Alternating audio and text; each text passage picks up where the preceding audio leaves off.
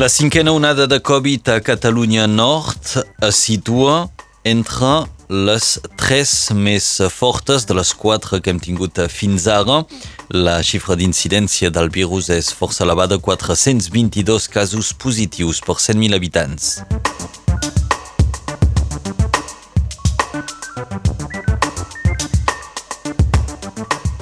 Dilluns tindrà lloc un nou Consell de Defensa a París per saber si l'Estat haurà de prendre mesures complementàries per lluitar contra la Covid-19. A Catalunya Sud avui s'amplia l'ús del certificat Covid a bars, restaurants, gimnasos i més, més espais públics. Parlarem també d'actualitat política a Catalunya Sud. Avui el Senat espanyol tracta dels pressupostos generals de l'Estat. Esquerra Republicana finalment no s'hi oposarà.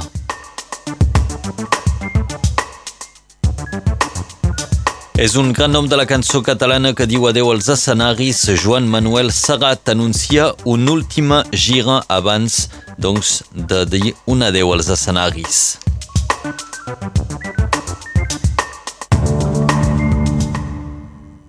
Ventades a la plana i neu esperada a muntanya per avui, les condicions meteorològiques són ideals per les estacions d'esquí pocs dies abans del pont de la Puríssima, un dels moments clau de la temporada. Des d'avui totes les estacions d'esquí de les neus catalanes estan obertes, amb excepció del Puigmal. Avui, doncs, els remuntadors mecànics tornen a funcionar a Font Romeu Pirineu 2000, al Camp Redàs i als Angles. Demà les estacions de Formiguera i de Portepimoren obriran el, el conjunt de les seues pistes. Serà el cas també també de l'estació d'esquí nòrdic del Capcí. L'estació de Puigbalador obrirà demà tres pistes i l'estació del Puigmal encara estarà tancada fins al 18 de desembre. El coronavirus circula molt ràpidament entre la població en aquesta cinquena onada de Covid. La taxa d'incidència a Catalunya Nord és de 422 casos positius per 100.000 habitants, una xifra superior a tres de les quatre onades precedents. De moment, aquesta quarta onada va ser la més forta a casa nostra amb una taxa de 637, va ser el mes de juliol passat. Actualment, doncs, 120 persones són hospitalitzades, 10 al servei de cures intensives i un pacient va morir ahir a l'Hospital de Perpinyà.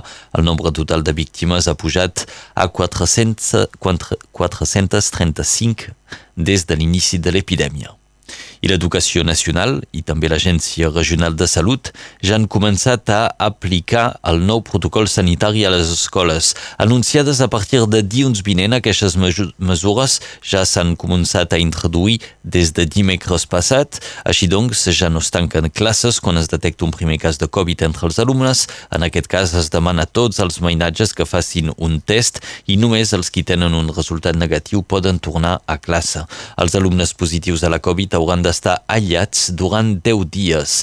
El tancament de classes només es farà a partir de 3 casos de Covid confirmats en una mateixa classe. I el primer ministre Jean Castex va anunciar ahir que dilluns tindrà lloc un nou Consell de Defensa per saber si l'Estat ha de prendre mesures complementàries per lluitar contra la Covid-19. Als hospitals la situació és tensa. Una vintena d'hospitals de l'estat francès ja han activat el pla blanc que permet ajornar operacions poc urgents per poder acollir els malalts de Covid. Castex va recordar ahir que una persona vaccinada té quatre cops menys probabilitats de contagiar-se que algú que no ha estat vaccinat i 12 cops menys probabilitats probabilitats de desenvolupar una forma greu de la malaltia. A Catalunya Sud avui s'amplia l'ús del certificat Covid als bars, restaurants, gimnasos, centres esportius i els centres de gent gran. La mesura havia d'entrar en vigor divendres passat, però un gran nombre de peticions a internet va bloquejar completament la pàgina web.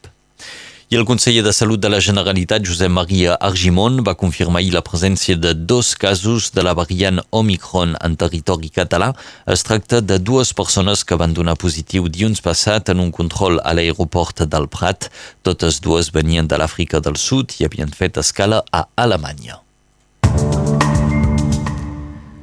Aquest any l'associació Arrels ha celebrat 40 anys, un esdeveniment que hem pogut uh, celebrar, viure amb vosaltres, però avui també volem recordar que, que Radio Arrels no és la sola ràdio que ha fet 40 anys en guany. Una altra ràdio creada el 1981 existeix, és Ràdio Evangila, són les dues úniques ràdios nascudes durant el boom de les ràdios lliures que no hem deixat d'emetre mai en aquests 40 últims anys. El creador de Ràdio Evangila és l'Andreu Nierga.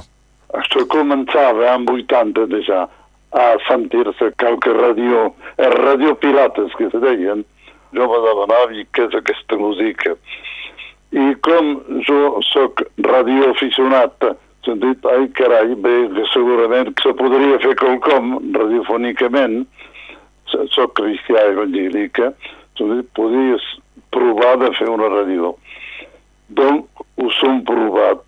Ha una cosa principal, que cal ser valents i que el que fem, encara sempre, cal que agradi, cal que sigui dins la persona, que vosaltres és el català, molt bé, i nosaltres eh, som una ràdio dona evangèlica i, i diguem que hi ha càntics que són, que són guapos, que passem, i missatges d'evangelització.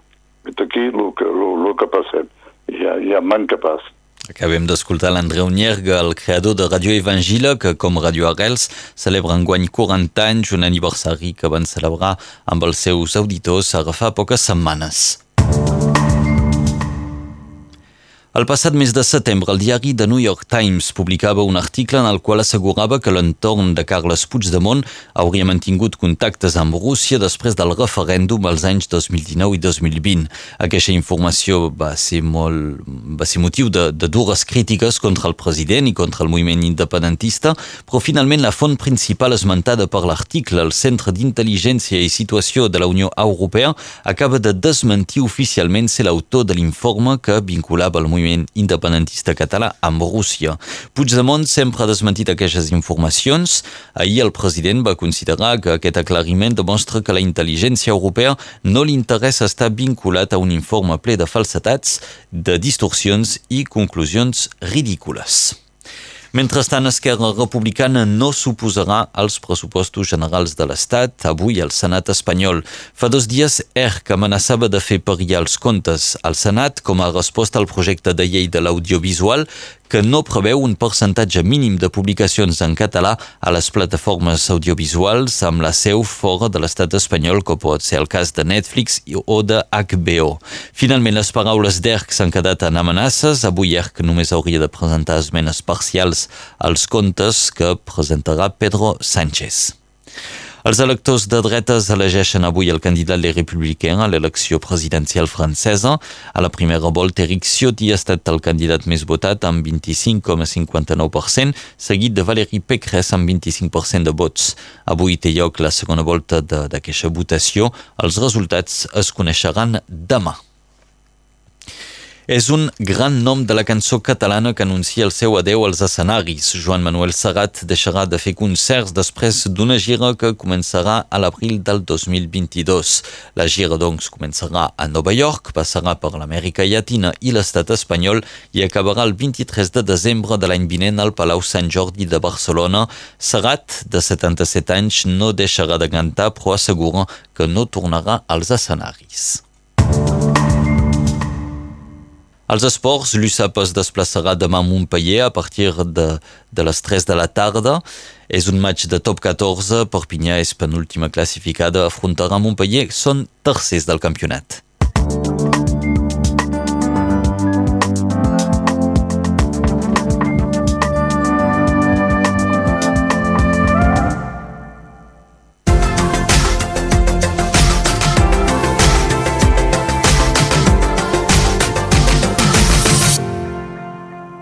Alternança de sol i núvols per avui. Si al matí dominen les clarianes, excepte el conflent i la fenolleda on el cel és ben cobert, aquesta tarda la nuvolositat irà augmentant fins deixar el temps ben ennubulat per aquest vespre. No s'esperen, però, precipitacions.